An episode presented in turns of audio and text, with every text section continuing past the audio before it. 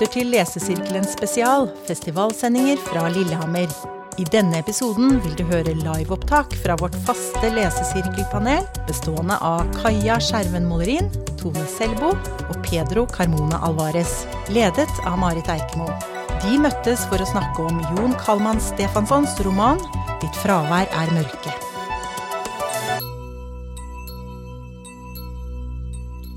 Hjertelig velkommen til eh, litteraturfestivalens egen lesesirkel. Dette er vår første live session. Eh, gjennom vinteren eh, har vi lest og diskutert noen av de mest aktuelle bøkene som oppkjøring til festivalen. Og disse er blitt spilt inn som podkast, og alle de fem vi har gjort, de ligger tilgjengelig. Vi har lest Asta Olivia Nordenhoff 'Penger på lomma'. Eh, Lene Anderssons 'Datteren', eh, Iben Mondrup 'Tabita', Kjell Vestøs 'Tritonus' og Vidar Sundstøls 'Jeg sank'. Eh, lesesirkelen består av de eminente leserne Pedro Carmona Alvarez, forfatter, kritiker Kaja Skjerven Målerin borterst og litteraturprofessor Tone Selbo. Velkommen til dere. Tusen takk.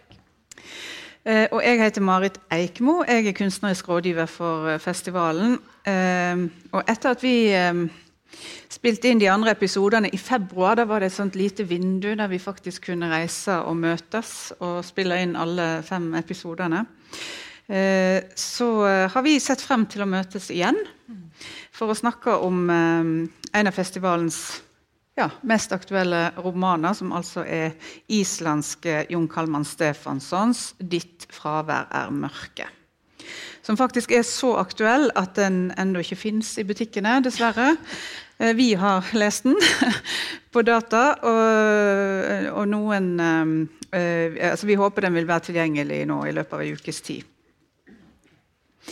Eh, litt om eh, Stefansson. Eh, når jeg ble for litt siden oppringt av Dagens Næringslivs eh, Nattbordet, eh, holdt jeg på å lese eh, dette manuset på datamaskinen. Da, og, og da sa hun at eh, Jon Kalman Stefansson er blitt en av spaltens hyppigste gjengangere. Og det forteller litt om hans posisjon i Norge. Eh, han er en av Islands største nålevende forfattere. En stor favoritt både blant kritikere og lesere ja, både Norden og internasjonalt. Han begynte som poet, eh, men med romanen 'Sommerlys' og så kom 'Natten' nådde han for alvor veldig bredt ut. Og det store internasjonale gjennombruddet det kom så med, med trilogien om gutten. Og bøkene hans er omsatt til 27 språk. Eh, han er nominert eh, fire ganger til Nordisk råds litteraturpris. eh, og har fått en rekke av disse prestisjefylte prisene. Men Booker, eh, P.O. Enquist-prisen og den store islandske litteraturprisen. Så skal vi begynne å snakke om Stefansson. Og det er en eh, omfattende roman han har skrevet denne gangen. Eh, og jeg kan bare si at Den begynner sånn, så skal jeg bare lese kort. Det som betyr noe, og som har varig virkning på deg, dype følelser, tunge erfaringer, påkjenninger, intens lykke, prøvelser eller voldsomme følelser som slår inn i samfunnet eller i din verden, kan trenge så dypt inn i deg at de presses inn i genene, som så bærer det videre fra én generasjon til neste, og på den måten former dem som ennå ikke er født. Fortelleren han har hukommelsessvikt, og når vi møter han, så sitter han i ei kirke. Vi vet ikke hvor han er, hvorfor han er der, og eh, om han er levende eller død. Altså, Han vet sjøl ikke det. Og Gjennom romanen så rulles en familiesaga opp gjennom flere generasjoner fra 1800-tallet og fram til i dag. Så, kjære lesesirkel, hvilken tradisjon tenker dere at Stefansson skriver seg inn i med denne romanen? Vil du begynne, Tone? Det er alltid jeg som må begynne Ja, du er professor. Nei, altså Jeg er litt i tvil. Men uh, når man snakker om islandsk litteratur, så begynner man jo veldig fort å snakke om sagalitteratur, f.eks. Og jeg kan ikke se at denne har noen sånn påfallende likheter med sagalitteraturen. Men derimot mot så er det jo noe bibelsk over hele denne beretningen. Altså, den har veldig mange forskjellige historier som griper inn i hverandre. Den handler om hvordan fortiden lever videre i nåtiden. Og den, eh, den har også noen sånne bibelske klanger stilistisk sett. Eh, det står f.eks. at jeg, da jeg var barn, så tenkte jeg som et barn. Eh, den type formuleringer som vi kjenner igjen fra, fra bibelhistorien. Og det er noe, liksom, det er noe sånn storslått over dette her. Ordrikt, må man vel si. Og inderlig. Eh, og mange sånne enkeltsetninger som på en måte kan siteres som eh, ja, jeg vet hva jeg skal kalle det, som, som uavhengige sentenser eller som minidikt, eller hva man vil. Mm. Så det var mitt første bud da, på tradisjon. Da gikk jeg liksom helt tilbake da, til de tidligste tider. Bare koble meg litt ja. Eh, på, på, det. det. Jeg er veldig enig med deg i det bibelske, som, som, helt åpenbart ligger som en sånn rik kilde til inspirasjon uh, for ham. Uh, jeg tenkte også på at det er akkurat som den er en sånn merkelig krysning av på den ene siden en sånn fri bevissthetsstrøm, som vi jo kjenner fra mange av de store modernistiske romanene, som altså, Virginia Woolf eller James Joyce eller altså eh, modernismen. Da, men eh, på den andre siden en veldig sånn konkret, realistisk fortelling om et familieliv. Så det er akkurat som man i stil, men også tematikk, står i et sånt krysningspunkt mellom realismen og modernismen, da, hvis man skal bruke litt sånn ja. mm. klumpete epokebetegnelser. Mm. Ja. Jeg, har, um, jeg har også tenkt mye av det samme. Um, det at det er en stor hastighet i romanen. Og sånn sett så er jeg helt enig at den ligner på en type sånne grunntekster, Bibelen eller sagalitteraturen, som er knapp, og som har sånne kjappe vendinger, at ting går fort. Men den er også en, en veldig ordrik roman, og den går også veldig langsomt. og den går i mange sirkler. Der også er jo det modernistiske, liksom, labyrintiske grepet. Da.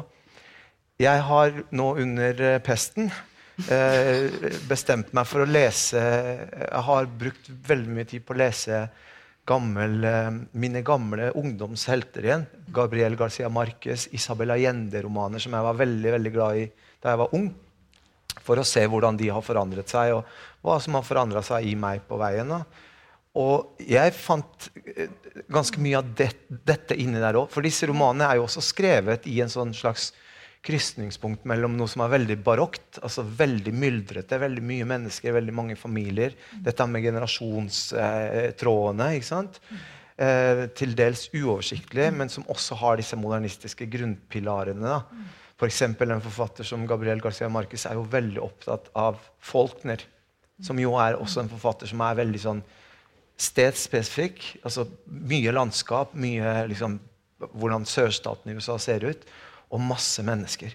Og menneskenes eh, handlinger og menneskenes eh, eh, måter å leve livene sine på. Hvordan dette forplanter seg i de neste generasjonene. Og så syns jeg også det var eh, noen likheter med den tradisjonen da, eh, når det gjaldt eh, dette her med at det var Det tror jeg vi har litt felles. At det er en ganske uoversiktlig roman. Man går seg litt vill i romanen. Man får ikke alle svarene man vil ha. Ja, så glemmer ikke, man veldig mye. Det var min erfaring. Jeg glemte utrolig mye da jeg leste den. Ja, Altså, jeg kan ikke tenke meg en roman som er mindre egnet til å lese i manusform. Altså, jeg klarer ikke å sitte og lese en sånn stor roman på skjerm, så jeg har den her. Da. Og den var jo ikke engang paginert. Og det betød at det rota seg til med, med, papirene. sånn at jeg skulle gå tilbake til den og se hva som liksom hang sammen med hva. Så hadde det jo balla helt på seg her. Men det gjorde ikke så mye. Det er en kronologi her. Vi følger noen familier fra liksom begynnelsen og fram til til dødsøyeblikket for en del av dem. Så det er en veldig sånn tydelig, eller mange tydelige fortellinger. må man si. Men samtidig så går det an å så å si sette det sammen på nytt igjen. Mm, mm, og så har du jo det Jeg synes det var morsomt det du, at du trakk den eh, litterære parallellen som du trakk, eh, Pedro. fordi at eh, du har jo disse her overnaturlige eller magiske eller mytiske trekkene mm. her som gjør at du blir litt i tvil hvor du er der også. Er dette noe som foregår helt konkret her og nå i dette landskapet? Eller er det, som du var inne på, inne på til å begynne med, Marit, er det så å si stemmer fra de hinsidige Det er jo en enorm sånn livsbejakelse. Mm. Eh, og samtidig mye om død og kjærlighet og liksom, store ting. Altså, dere har jo alle sagt noe. Dette er, en veldig, eh, altså det er veldig folksomt i denne romanen. Og det er litt av noen karakterer, eh, må sies. Um, har dere lyst til å si litt om hvem disse karakter, hva for en familie er det som tegner seg, og hva, hva for noen karakterer er det som liksom står litt ut, så vi kan eh, snakke om? Jeg kan, jeg kan, si om, jeg kan si litt om fortelleren. for altså det, det, du leste i sted, det er begynnelsen på romanen, åpningen på romanen. Men den, den, begynner på en måte to ganger. Mm. Det er lite sånn preludium. Og så begynner romanen da med denne setningen Kanskje drømmer jeg dette. kolon, Og så kommer romanen. Så allerede fra første setning så er det sånn Vi vet ikke. Mm. Og det er en sånn slags kvalitet, syns jeg. For det første synes jeg er utrolig fint. Eh, jeg likte romanen veldig veldig godt. Jeg koste meg veldig når jeg leste den, men hadde akkurat samme erfaringen som som du hadde, Tone. At uh, du glemmer underveis. Hvem var dette igjen? Eller hva, hva har skjedd nå? Hæ? Hvor er vi? Hvem snakker? Og hvem snakker, ja. ja hvem, snakker? hvem, er fortelleren, ja, egentlig? Er ikke det også litt uoversiktlig underveis? For meg så opp, jeg opplevde denne fortelleren som et slags hull. Et mm. blankt felt av liksom, uh, hukommelsessvikt. Jeg vet ikke hvem det er. Jeg husker delvis ting. Andre ting diktes opp, andre ting spys ut. og, og og så tenker jeg at eh, jeg har, vært, jeg har, vært, opptatt av spøkelser veldig lenge. og Jeg har vært en sånn fyr som har sett mye på Åndenes makt på TV Norge. og en av de tingene som går inn i når man snakker om disse her spøkelsene hver uke, er jo det at eh, det å være død da, det og, det, og, og, så tenker jeg at Glemsel er jo en, også en form for død. ikke sant? Det at man er et sted, så husker man bare det, det, det er et eller annet her som har noe med meg å gjøre. Mm. Men jeg klarer ikke helt å få fullstendig oversikt over hvordan dette henger sammen. Mm. Og det syns jeg var et veldig fint grep med denne fortelleren. at, at altså, Snakk om upålitelig forteller. Han vet jo ikke hvem han er. Han møter f.eks. Denne, denne kvinnen som han åpenbart har hatt et eller annet Soleil, ja, Soleil, ja, som har hatt et veldig veldig sånn emosjonelt og lidenskapelig forhold til. Men hvordan? Når? Hva var det? Jeg aner ikke. Men han er en form for forfatter og kunstnerskikkelse også. For han, mm. skri, han, er jo også den som skriver fortellingen mens den fortelles, og blir utfordra da av en sånn litt pussig preste eh, skråstrek bussjåfør ja, Prest med utvidet kjørekort. Ja, ja. presten med utvidet kjørekort, ja. eh, og, og, da er det sånn Ja, men det er jo du som vet det. Det er jo du som skriver historien. Du må se ned på arkene dine. Og dette ble veldig sånn fysisk for meg da jeg leste det, og disse arkene liksom føk i alle retninger. Uh, og det er jo en sånn De har litt dobbeltroller, flere mm, av dem. Mm. Så er det noen personer som går igjen uh, gjennom mange historier. da Sånn som han som heter Eirikur på Oddi. Mm. Odda? Oddi. Oddi. Oddi. Oddi. Ja. Odda. Kunne vært. Men det er jo også eh, altså For meg var det også mye en bok om altså ulike tidsfølelser. Altså han jo, det fører jo litt til det når han skriver om hukommelse og glemsel. Så hører det jo også til at tid er et tema. Jeg bare kom på det nå da du nevnte denne Eirikur. Eh, for vi får jo en beskrivelse av eh, barndommen der. Nå får dere korrigere meg hvis jeg husker feil. Eh, men av, av barndommen hans som vokser opp best, hos besteforeldrene. Og, og hvor, hvor, det står noe sånt som at, at at den tiden, den barndommen, det var som om tiden ikke fantes. Mm.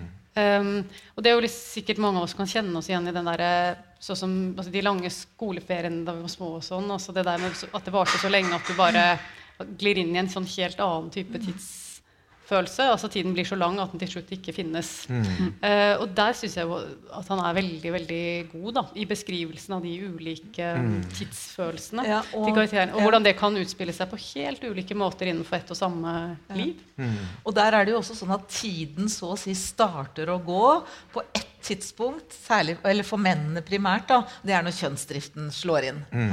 Ja, For så vidt for kvinnene også, men mm. særlig for mennene. da, For da får, gir det seg litt sånne groteske, litt sånne overdrevne utslag. Uh, det er liksom av de passasjene som man ikke har lyst til å sitte og lese høyt her. Men Ja. det er jo en sanselighet i romanen som er knytta til det erotiske og til kjærlighetsfølelsen og til livsfølelsen.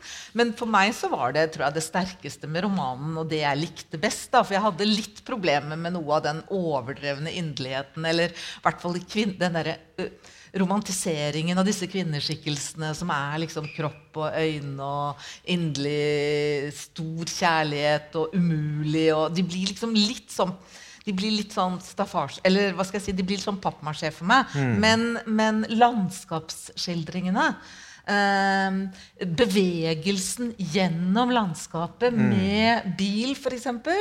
Altså, og, og så kommer det, skal vi sikkert også snakke om, med masse sånne musikkinnslag.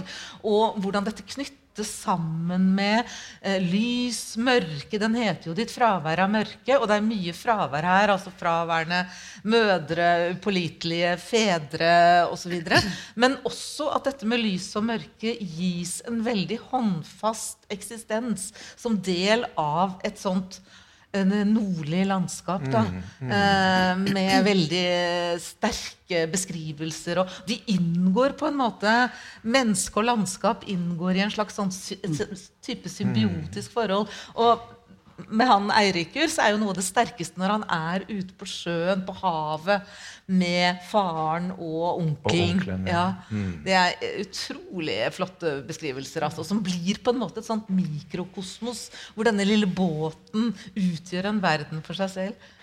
Men Bare som et apropos til det der med disse mm, øynene som kvinnenes øyne som de faller for og sånn. Altså det er, og inderligheten i det og sånn. Jeg må jo si at det, i ganske tidlig i boken så er det jo omvendt, ikke sant? Altså hun um, Aldis Ja.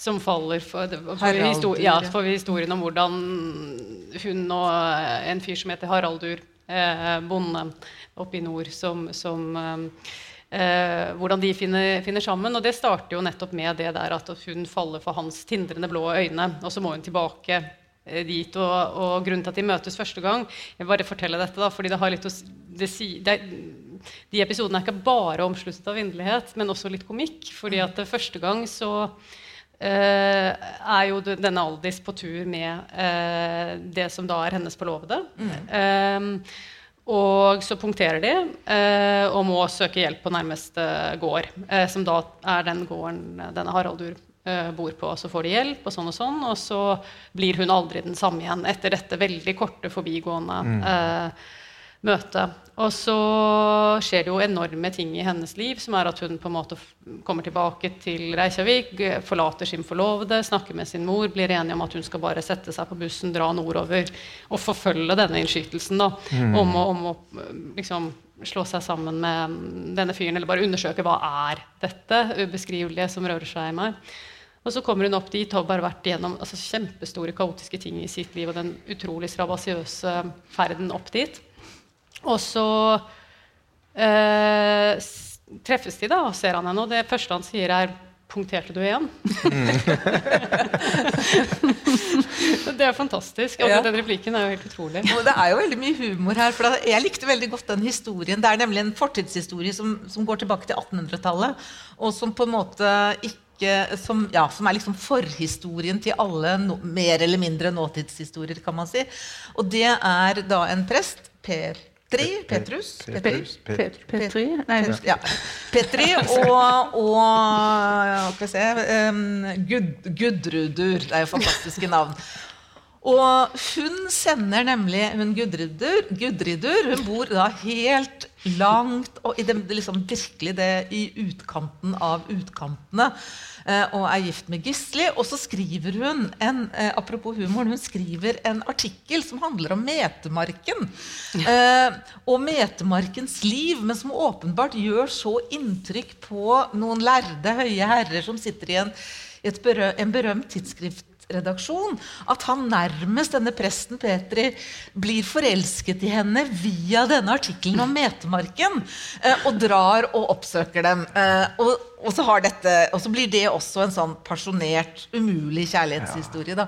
Men det er noe med det høye og det lave og det lille i det store og det store i det lille som gjør at eh, den har, romanen som helhet har et veldig sånn stort register å spille på. Både språklig og, og tematisk. Det er veldig mange i den romanen her. veldig mange av karakterene drar for å finne noe, eller drar ikke for å ikke finne det de egentlig skulle ha funnet. Da. Disse to eksemplene er, er selvfølgelig eh, eh, er der. Og, men samtidig så, så, er det såpass så til, jeg, jeg ser poenget med, med at det, det lidenskapelige her altså Det er ganske det, er lidenskapet cheesy. Det er litt sentimentalt, ja. disse her fortellingene. Og jeg er jo en cheesy fyr, så jeg, er, har omfavnet dette. Jeg synes det var, var altså Den historien som Kaja refererte til med um, å, så dårlig på navn, Aldis og Haraldur, er det, det? Er det de to? Ja. Som da, dette er unge paret, unge urbane paret som er på ferie og de skal se noe greier oppe i Reykjavik. Og så skjer dette. Hun møter de blå øynene hans, ser blikket, kommer hjem igjen, og så er det sånn der var det et eller annet. Altså. Der var det et eller annet. Og så ser hun på forlovelsen og så tenker hun det var ikke her det var, jeg må dit. Og samme, altså når hun snakker med sin mor om det, så har moren nettopp mistet ektemannen sin og har gått gjennom en sorgprosess der hun har pakket ut eller gått gjennom tingene hans. Og sånn. Og i denne prosessen av da altså Etter døden til noen hvor du skal rydde opp i ting, så finner denne moren ut at Men jeg elsket jo aldri ham sånn som man egentlig skulle elske. Og der kommer rådet til dattera si. Du må bare dra, du. Ikke sant? Og det er ja, det er sentiment. Det er melodramaets ja, ja. Eh, ingredienser her. Melodrama er et veldig godt mm. ord for dette her. Altså, i, altså, mm. i, i et god forstand. Mm. Uh, og det er dramatisk, det er melankolsk, det er mm. melodramatisk. Og, og, dette med reise og hjemkomst og reise bort og komme tilbake. Og denne Eirikur da, som vi følger fra han er barn mm. til han blir Eh, ja, opp i 40-årene et eller annet mm. sted. Han har da den første drømmekvinnen. Hun er selvfølgelig gift. da. Uh, hun heter Tove. Alle danske kvinner heter Tove. Ja. uh, får vi høre. Og hun er Jeg vet ikke om det sies at hun er blond, men hun er sånn blåøyd nordisk kvinne. Mm. Men så kommer det da kvinne nummer to, og hun jo, møter han i Marseille. Og hun er vel sånn eh, marokkansk, algirsk eh, sånn Litt sånn blanding av forskjellig bakgrunn. Hun heter Batrol. Og hun mm. er da brunøyd. Og da er det også sånn han må reise bort for å, for å komme tilbake til henne igjen. Altså For at folk skal forenes, mm. så må de skilles og reise ja. bort. Men jeg tror at, uh, Om jeg bare kan skyte inn en ting om dette med sentimentale og pat, den store patosen i romanene En av grunnene til at jeg tror at jeg hadde veldig sånn bra takhøyde på nettopp den typen ting, er selvfølgelig fordi at jeg jeg syns jo at det her finnes også i livet. ikke sant? Som vi alle vet, at Av og til så finner man sånne greier som bare gjør at du, du trenger forklaring. Det er ikke noe rasjonelt. Det er rett og slett ren emosjon som gjør at livet kan liksom spinne ut av bane. Da. Men jeg tror at grunnen til at jeg har liksom kunnet svelge såpass mye, både her, men også i andre typer litteratur som jeg liker å lese, som har den typen sånn sentimental eller sånn dryppende sentimentalitet, da, er fordi at jeg syns forteller, fortelleren her er interessant. fordi at fortelleren det er, det er, fortelleren som driver og forvalter disse historiene. Den, den late, boka later ikke som om det er en en, eh, en, en, forteller som er helt ute av fortellingen. Ja. Det er også hans patos, hans blikk. Og så må vi huske på at han er jo kanskje død, kanskje drømmer han, kanskje har han glemt alt.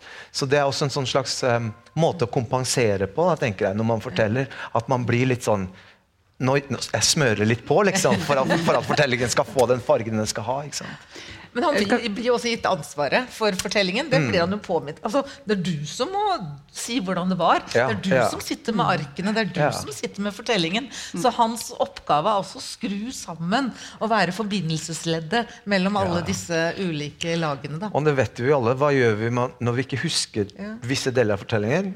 Vi ljuger da, og dikter opp. Men bare, bare for å skyte inn et ørliten ting til der. Det jo, er jo et et spor av det, da, av det liksom konstruksjonsprinsippet, det er jo når faren til denne Eirikur, som han har et dårlig forhold til, et, eller et komplisert forhold til, er vel riktigere å si Når han da skal komme og hente ham på flyplassen, så er det to versjoner av samme historie. Mm. I den første versjonen så da har det vært flere dødsfall rett før det, og så dør han nå. Han blir mm. meid ned, eh, meid ned av en bil og dør. Så de, de, de møtes ikke. Og så, det, og så, er det omtrent sånn Ha-ha, nei, men det var ikke sånn allikevel. Var, han levde faktisk. Men han blir meid ned av en type som kjører altfor fort. Og, og, så viser det seg at han er så full, han faren, at dermed så blir han ikke så skada som han ellers kunne ha blitt. Så han sier ja, alkoholen reddet meg, ha-ha-ha. Og så viser det seg at denne typen som kjørte han ned, han er også alkoholiker. Så de bonder på det. De, de havner jo på samme De havner på samme, samme avrusningsklinikk. så det er mye sånne burleske trekk, da. Mm. Ja.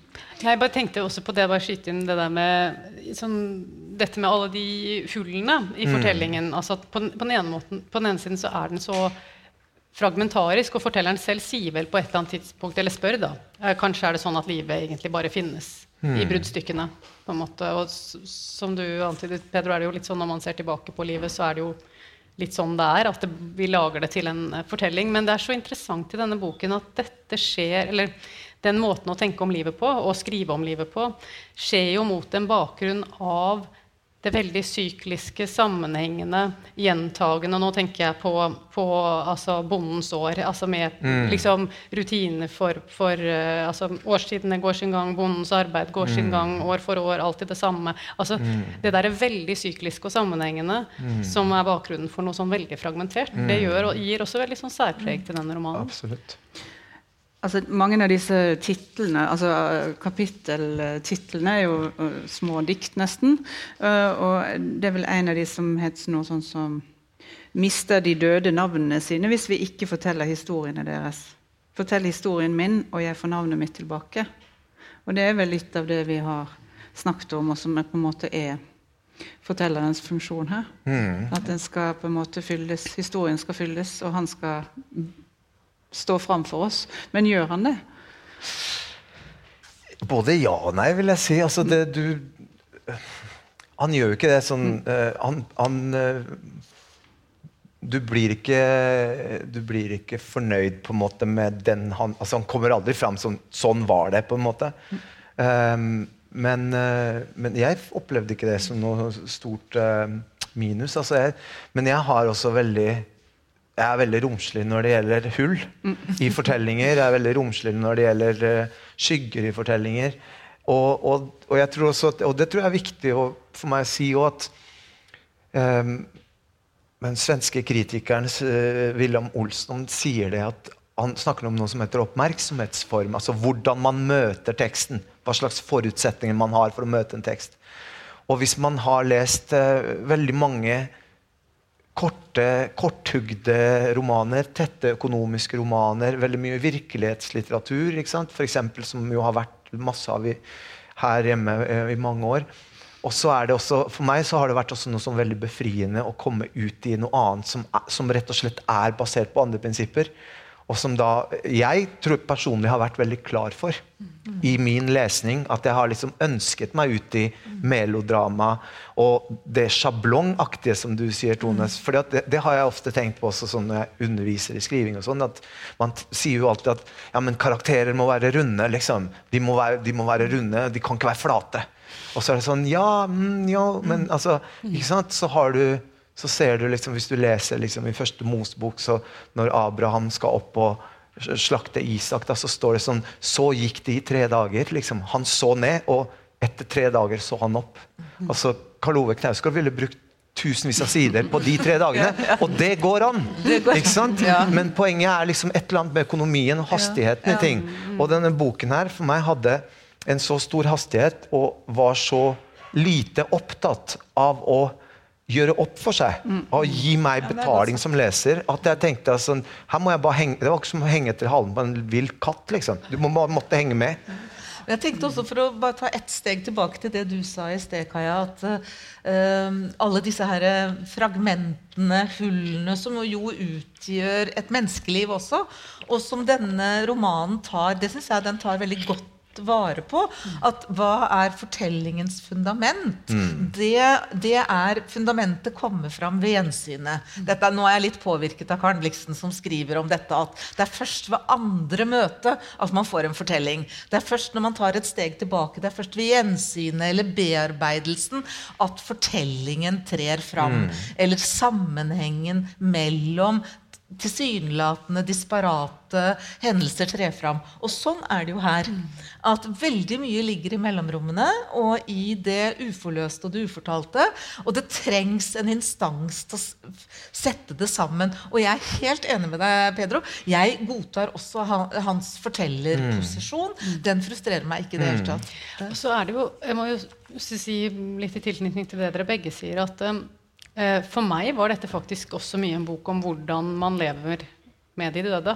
Altså i et liv, da. Altså alle mister jo noen i løpet av et liv, og hva vil det si på, å leve videre? Mm. Hva vil det si at, en, ha, at, at noen forblir levende i ditt indre?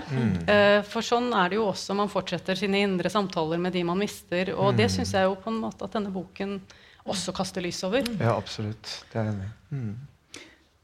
Um, Kan vi gå litt tilbake til, um, eh, til dette med kjærligheten? For det er jo noen virkelig, som vi har vært inne på, noen virkelig heftige eh, kjærlighetsbeskrivelser. Det er jo stor pasjon. Mm. for vi hadde jo en eh, programpost eh, tidligere her på festivalen om nordisk kjærlighet, og da eh, sa Helle Helle at eh, eh, hun holdt vel liksom fram faktisk Kjell Askelsen som den store kjærlighetsforfatteren. eh.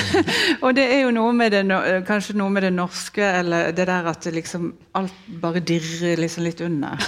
Altså er damen inne i huset, og han er utenfor, og så ja, altså, Mens her er det ingenting som liksom dirrer så mye under. Her er det veldig eh, Eksplosjonsaktig. Eh, og jeg vet ikke om det er spesielt islandsk eller, eller hva det er, men det er jo veldig så knytta til det dere har vært inne på, som er kjønnsdriften. Som han kaller for verdens lys og mørke. Sånn? Altså Barndommen, uskylden, den uh, lever man før, uh, før menn da, i hovedsak blir kjønnsmode og endrer alt. Da inntrer. Så eh, vi har vi egentlig noe i nærheten av norsk litteratur som er så eh, ja, eksplosjonsarta. Um, det er jo veldig rått og lidenskapelig og flott. da. Eh, jeg kommer ikke på noe sjøl, iallfall. Nei, ikke jeg heller, altså. Det gjør jeg virkelig ikke. Ikke på stående fot, som det heter. Og samtidig så er det veldig knytta til altså Jeg syns det er en del sånne i forhold um, slektskap med sagalitteraturen. Dette med Ja, og så skal vi si, jeg hadde Dagene vandret over jorden. De ble til natt. De fikk fire barn, og nå er Margaret død. Sant? Altså, Ma Margaret, og så er det bare en annen sånn Margaret dør i søvne. Kari, mannen hennes, satt hos henne, holdt henne i hånden, snakket med henne, verken spiste eller drakk. Ringte deretter til Hafrun og Skulli sent om kvelden og sa ja, ja, da er hun, Margaret død. Og de mørke årene kom over fjellene. Eh, Dette er veldig annerledes fra Jeg diskuterte det litt med Bergsvein i, um, i Birgesson i går. eh, I den dødsscenen til uh, Lavrans, altså I, Kristin i Lavransdatter. Kristin Lavransdatter, som vel går over 50 sider. En. Eh, ja, en sånn stream of consciousness eh, av en annen verden. Så er dette, dette er en annen måte å fortelle på. Så du har liksom både denne eksplosjonsarten eksplosjonsarta lidenskapen og den knappheten som jo tilhører saga. Ja da, det gjør det. Men jeg bare tenkte mer på liksom de der store episke, de lange bibelske linjene. Men man har jo begge deler. Du har helt rett i det, Marit.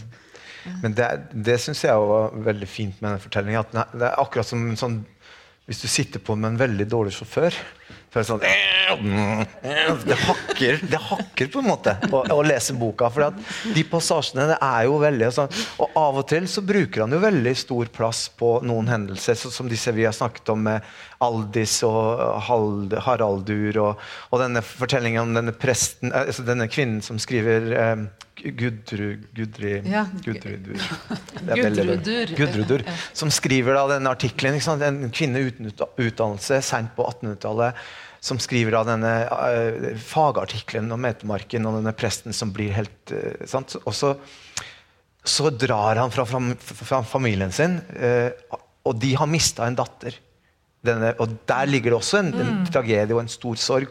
Og denne presten han har da sin kone som han elsker overalt på jord. Hun, er, hun har hender av lys. ikke sant? Igjen sånn Men han har sånn- sluttet å elske henne. sluttet å elske henne, og så sitter han om kveldene og drikker litt for mye vin og skriver brev til Høldelin, den døde dikteren.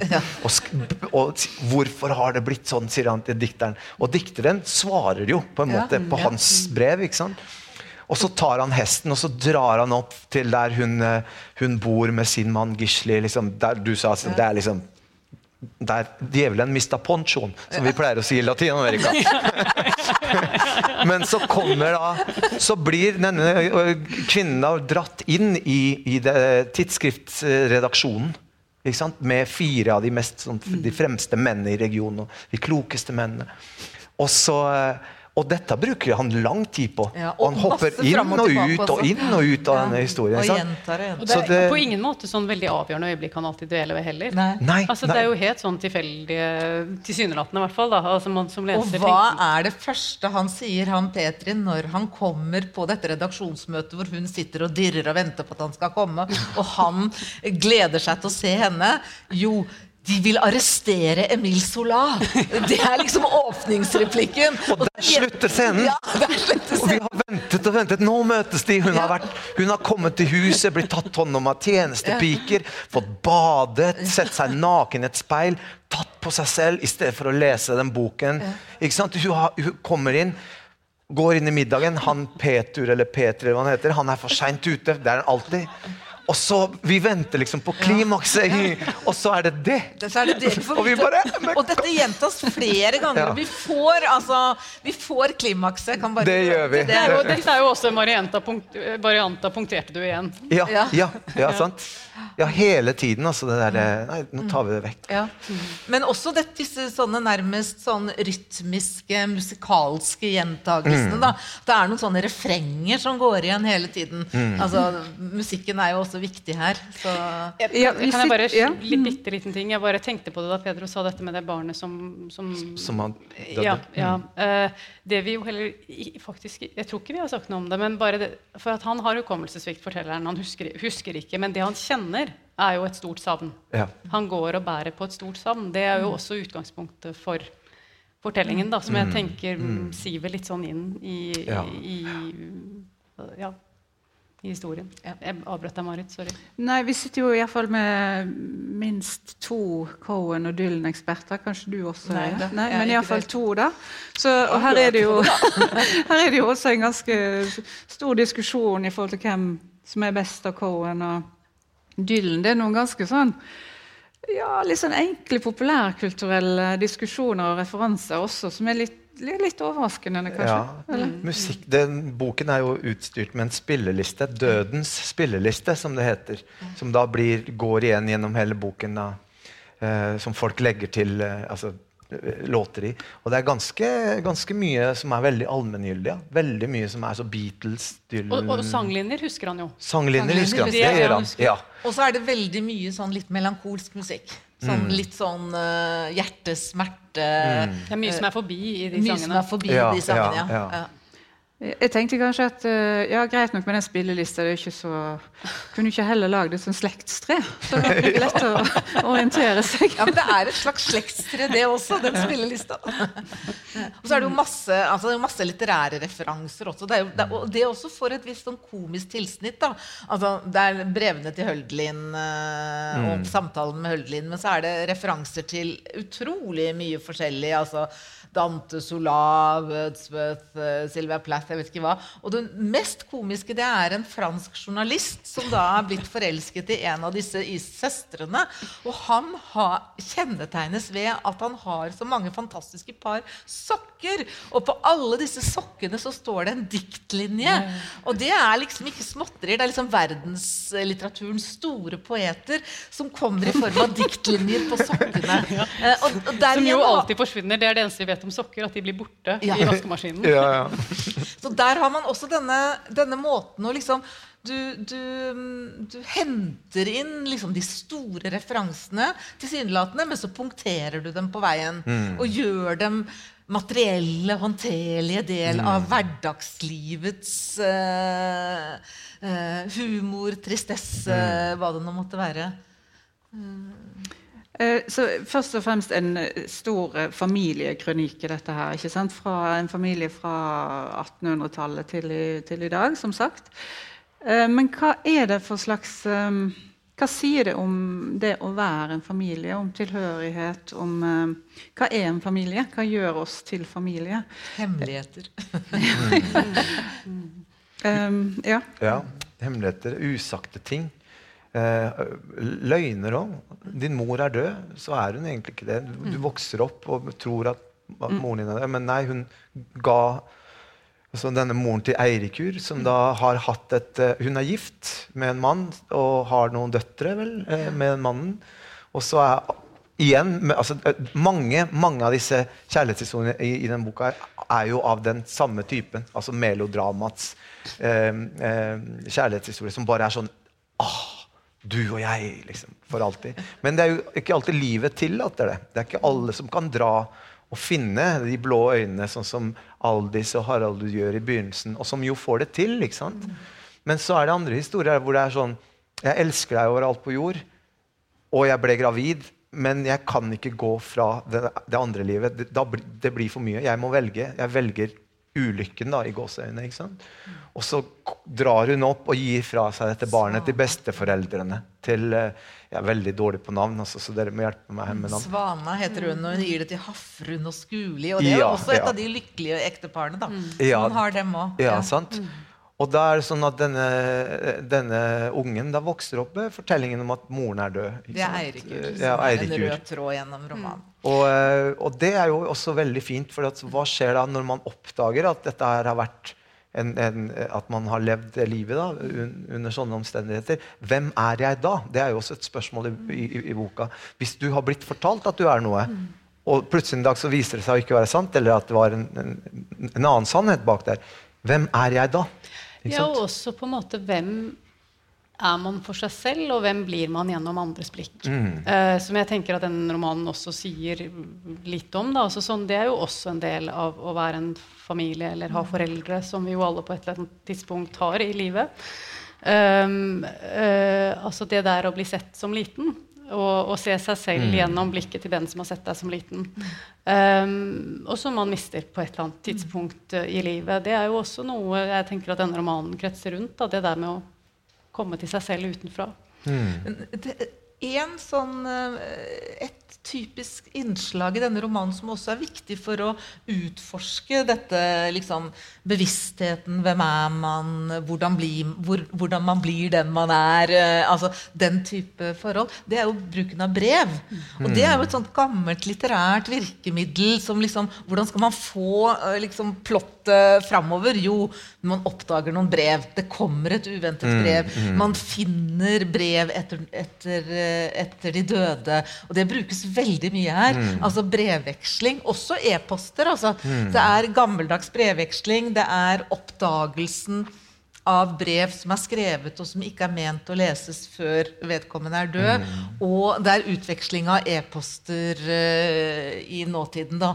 Uh, som er med på å Altså selve det å formulere liksom noen innsikter uh, er med på å Det, det får en slags sånn, sånn dobbeltfunksjon da, i, i romanen.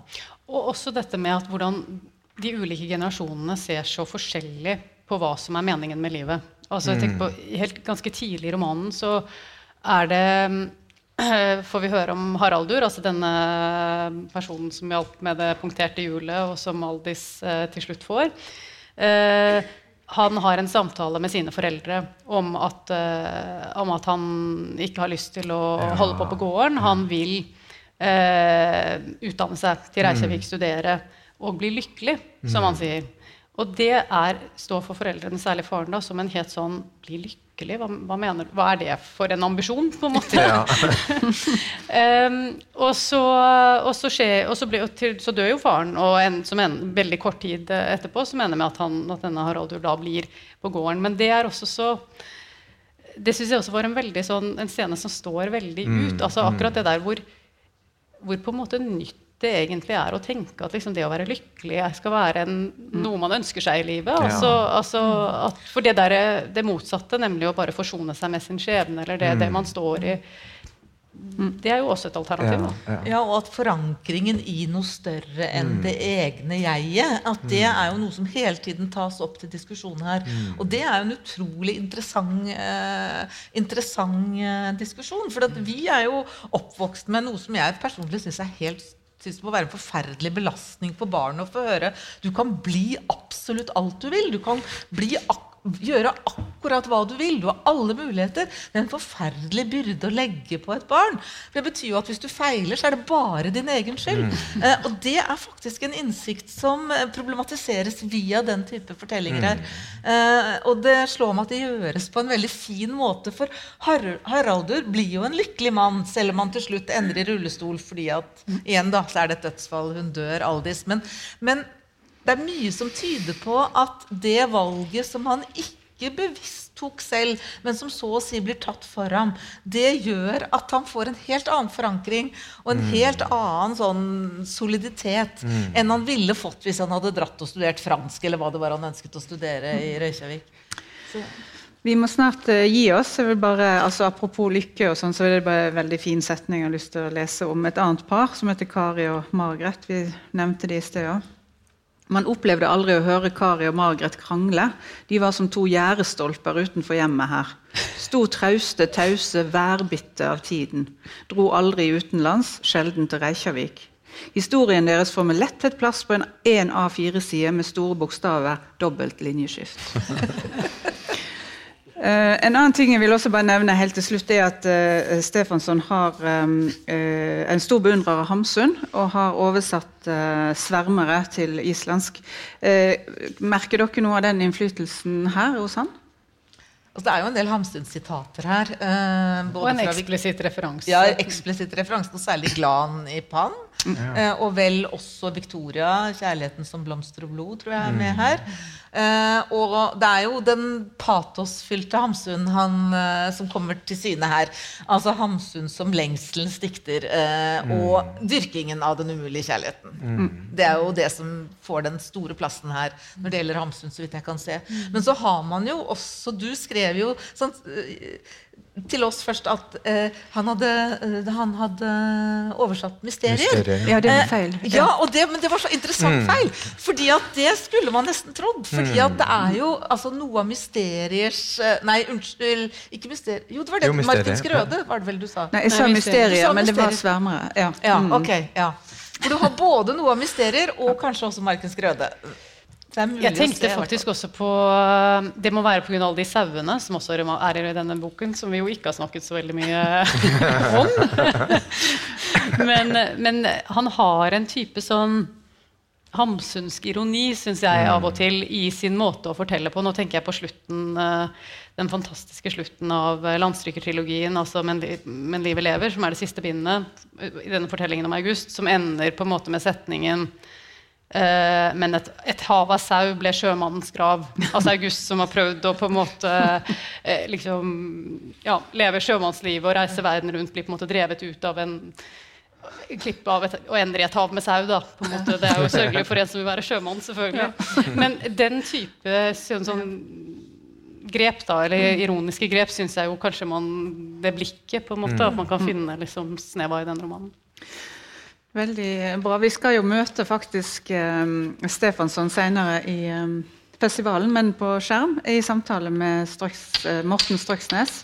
Og da kommer nok uh, Hamsun til å, til å, komme opp igjen. Jeg husker ikke i hodet når det er, Marit. Har du det? Nei. Nei, men det, jeg tror det er på lørdag. Ja, lørdag klokka fire. Ja.